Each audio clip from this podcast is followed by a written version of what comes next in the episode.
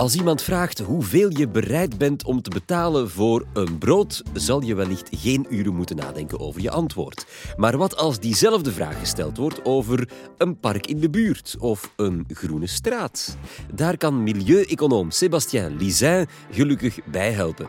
Hoeveel wil jij betalen voor een schone rivier? Dit is de Universiteit van Vlaanderen.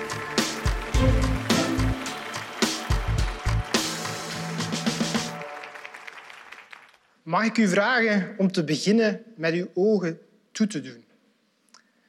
En denk nu eens aan een recente wandeling of een recente fietstocht die je hebt gemaakt. Er zijn hier redelijk wat mensen, dus de kans is groot dat er mensen bij zijn die langs een rivier gefietst of gewandeld zijn. Ziet je die rivier voor u? Kunt je dat voor de geest halen? Hoort je het water stromen? Ervaar terug de rust die dat water met zich meebracht.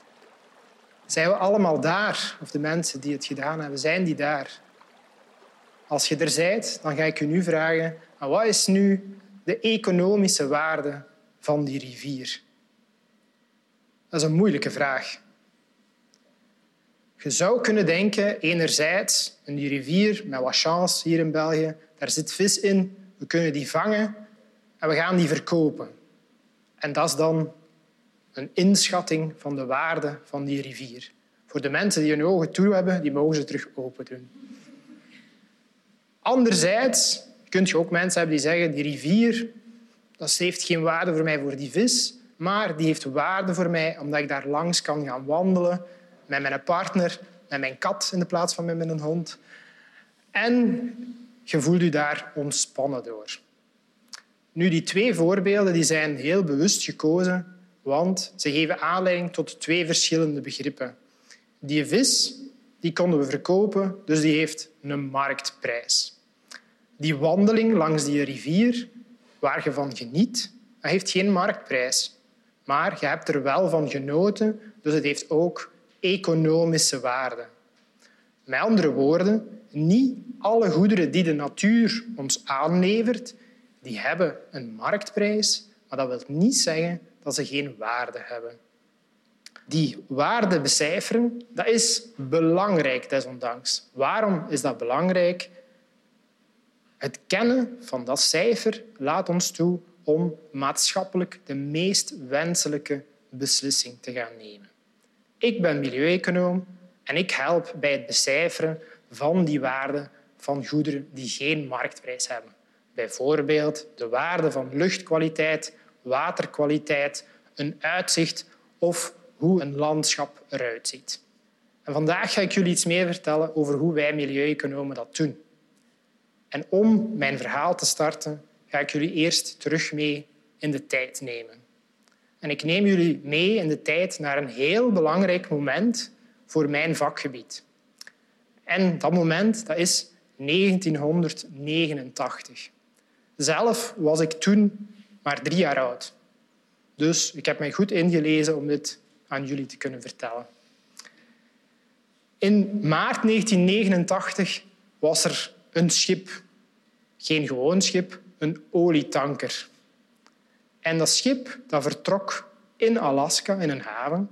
En dat wou ruwe olie naar Californië transporteren. Helaas kwam het schip al snel in moeilijkheden.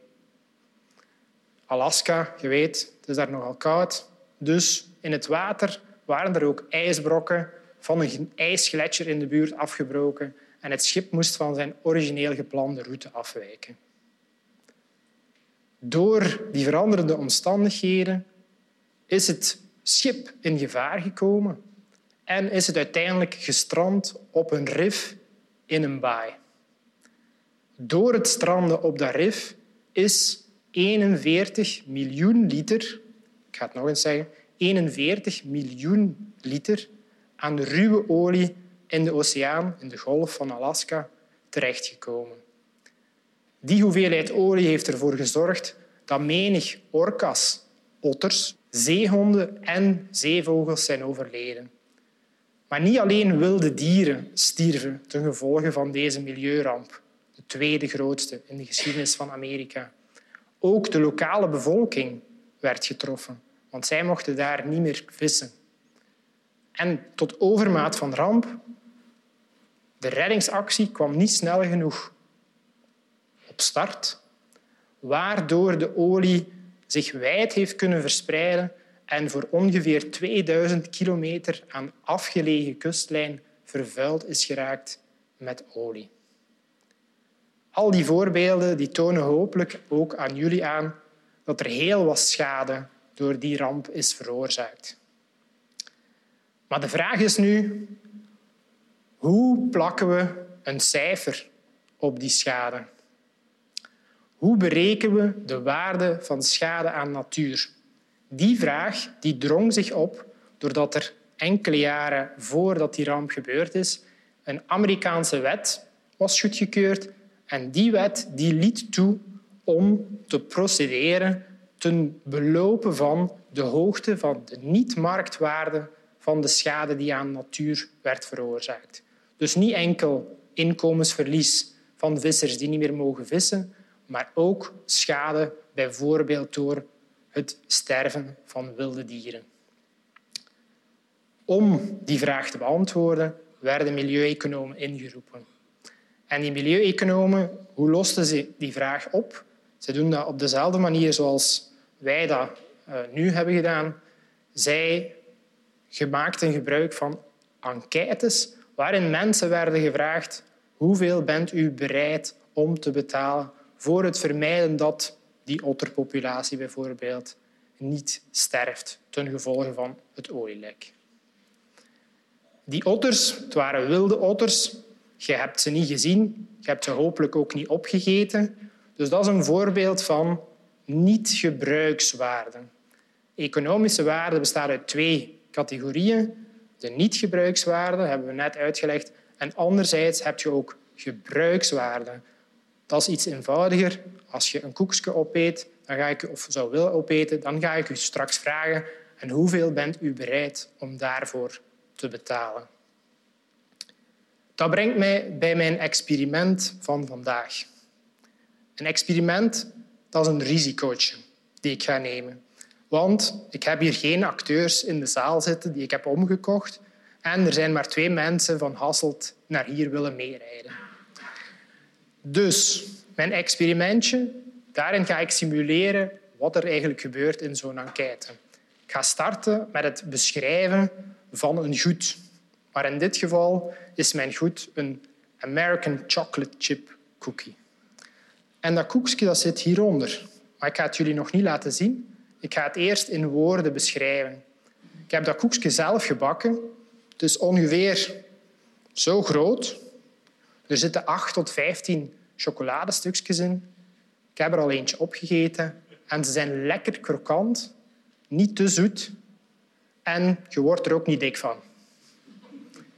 En dan wil ik aan u nu eh, de vraag stellen, hoeveel zijt je bereid te betalen om nu zo'n koekje te kunnen opeten? En ik ga voor de eenvoud vooral die vraag nu aan de mensen op de eerste rij stellen. Dus ik ga bij de dame hier vooraan beginnen. Een euro. Meneer? Twee euro. Vier. Ook 1 euro. Voilà, dus we hadden 1, 2 en 4. Goed. Nu ziet je ook de koekjes voor de mensen die daar zitten. Zo ziet je die ook. De koekjes die ik zelf heb gebakken, die super lekker zijn. En dan zou ik graag eigenlijk dezelfde vraag opnieuw stellen. Je ziet nu die koekjes. Hoeveel zijt je bereid om hiervoor te betalen? En oorspronkelijk had je gezegd één, dacht ik. Twee, vier en één. En hoe, hoeveel is het nu? Nog altijd één. Naar één zakken. Ja. En nu? Je blijft bij je oorspronkelijke mening. Ja? En jij blijft ook bij één. En nu ben ik content, want mijn experiment is geslaagd. Waarom is het geslaagd? De bereidheid tot betalen op basis van mijn beschrijving is gelijk gebleven aan jullie bereidheid tot betalen wanneer dat jullie het hebben gezien. Nu, waarom had ik dat verwacht? Ik had dat verwacht omdat zo'n soort van koekjes, die ik trouwens niet zelf heb gebakken, je kunt die gewoon gaan kopen in de winkel en je bent daarmee vertrouwd. Dus je voorkeuren die je daarvoor hebt, die zijn stabiel. Nu, de vraag is of dat, dat ook zo gaat zijn voor een otterpopulatie die ergens in Alaska woont. Bijvoorbeeld. Ik heb dat niet op koekjes toegepast. Ik heb dat ook niet op otters toegepast. Maar wij aan de Universiteit Hasselt hebben een experiment opgezet waarbij we de stabiliteit van voorkeuren zijn nagegaan binnen de context van vergroening van de straten in steden. Hoe hebben we dat gedaan? We hebben niet één enquête opgezet, we hebben er drie opgezet. En we hebben dus mensen de straten laten zien. We hebben ze op andere manieren beschreven. De drie manieren zijn... De eerste is in tekstvorm. Die in tekstvorm, dat is de standaard. Een tweede manier is de videovorm. En een derde manier is in virtual reality. In tekstvorm gaan we zien dat onze straat varieert op basis van drie visuele kenmerken. Namelijk de mate waarin we bomen gaan toevoegen in die straat. Zijn dat er veel, zijn dat er weinig? Zijn het hoge, zijn het lage? De mate waarin we plantenbakken, dus op de grond, gaan toevoegen. Zijn dat er weinig, zijn dat er veel? En of dat we dat symmetrisch, dus aan twee kanten of aan maar één kant gaan aanbrengen in die straat. En daarnaast, aangezien het gaat om waardering, dat gaat komen aan een kost. En de vraag is, gegeven die kost en die andere kenmerken, welk van die twee straten verkiest je het meeste? Nu, er waren drie enquêtes. Dus die informatie, die identieke informatie als wat je nu leest, hebben we ook omgezet in videomateriaal. Dus je ziet, het is een straat, er, is, er zijn heel veel bomen, ze zijn heel hoog en er, zijn, er is veel begroeiing, er zijn veel plantenbakken en het is symmetrisch aan de twee kanten. Onze mensen die de enquête beantwoorden, die worden door de straat gevlogen. En dan kom ik bij mijn volgende requisiet. We hadden ook de virtual reality. Mensen werden dus gevraagd om hier de virtual reality bril op te zetten. En vervolgens mochten zij doorheen de virtual reality omgeving, zoals je op het volgende filmpje kunt zien, zij mochten daarin gaan rondwandelen. Ze mochten daarin gaan rondlopen. Ze, mochten ze konden draaien met hun hoofd, ze konden kijken naar boven, naar onder, naar links, naar rechts. En ze konden zich op eigen initiatief gaan in die straat gaan, gaan bewegen. Ze konden dus onder een boom gaan staan, ze konden eens naar boven kijken. Met andere woorden, we hebben gebruik gemaakt van wat een immersieve virtual reality omgeving wordt genoemd. We hebben die zelf geprogrammeerd met behulp van eigenlijk dezelfde software waarvoor videocomputerspelletjes worden gemaakt. Nu dat we weten wat het opzet was, kan ik verder gaan met te vertellen wat de resultaten zijn. Daarvoor wil ik u de volgende grafiek laten zien, want ik ben econoom en dus de facto ben ik fan van grafieken. wat kunnen we zien op die grafiek? Op de as, de y-as, staat de bereidheid tot betalen. Dus hoeveel iets waard is voor mensen. En dan zien we drie kleuren op de x-as uh, voor de tekstbehandeling, de videobehandeling en de virtual reality behandeling. En we zien dat de focus op deze grafiek ligt op de mate waarin bomen werden aangebracht en vooral of ze een hoge of een lage kruin hadden, of ze hoog of laag waren. En dan merken we iets heel bijzonders op, of toch in elk geval heel bijzonder voor mij. We zien dat in tekst dat mensen eigenlijk veel bereid zijn te betalen voor veel bomen met lage kruin. Terwijl ze maar weinig zijn bereid te betalen in de link, aan de linkerkant van de grafiek voor veel bomen met hoge kruinen. wat nog frappanter is, is in virtual reality vinden we net het omgekeerde. Want je ziet daar aan de linkerkant is de VR-balk het hoogste en aan de rechterkant is de VR-balk het kleinste. Conclusie. Wat is de waarde van hoeveel wil je betalen voor een schone rivier? Dat is een heel complexe vraag, want het gaat over een niet-marktgoed. Zoals we hebben gezien, niet-marktgoederen die kunnen we waarderen aan de hand van een enquête. En het grote verschil wat we hebben opgemerkt is voor een niet-marktgoed waren de voorkeuren niet stabiel.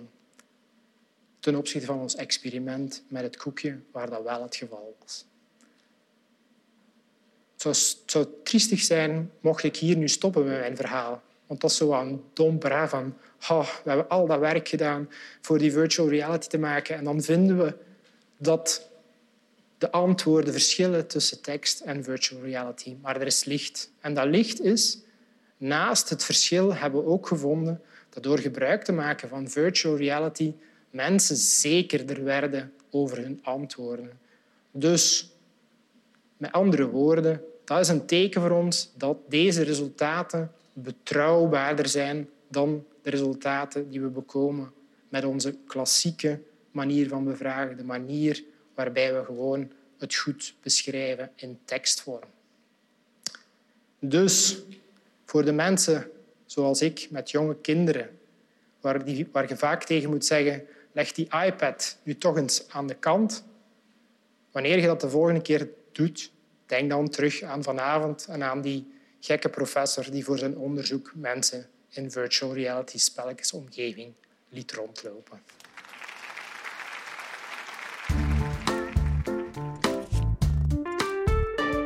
En nu we het toch over geld hebben, heb ik nog één prangende vraag voor jou.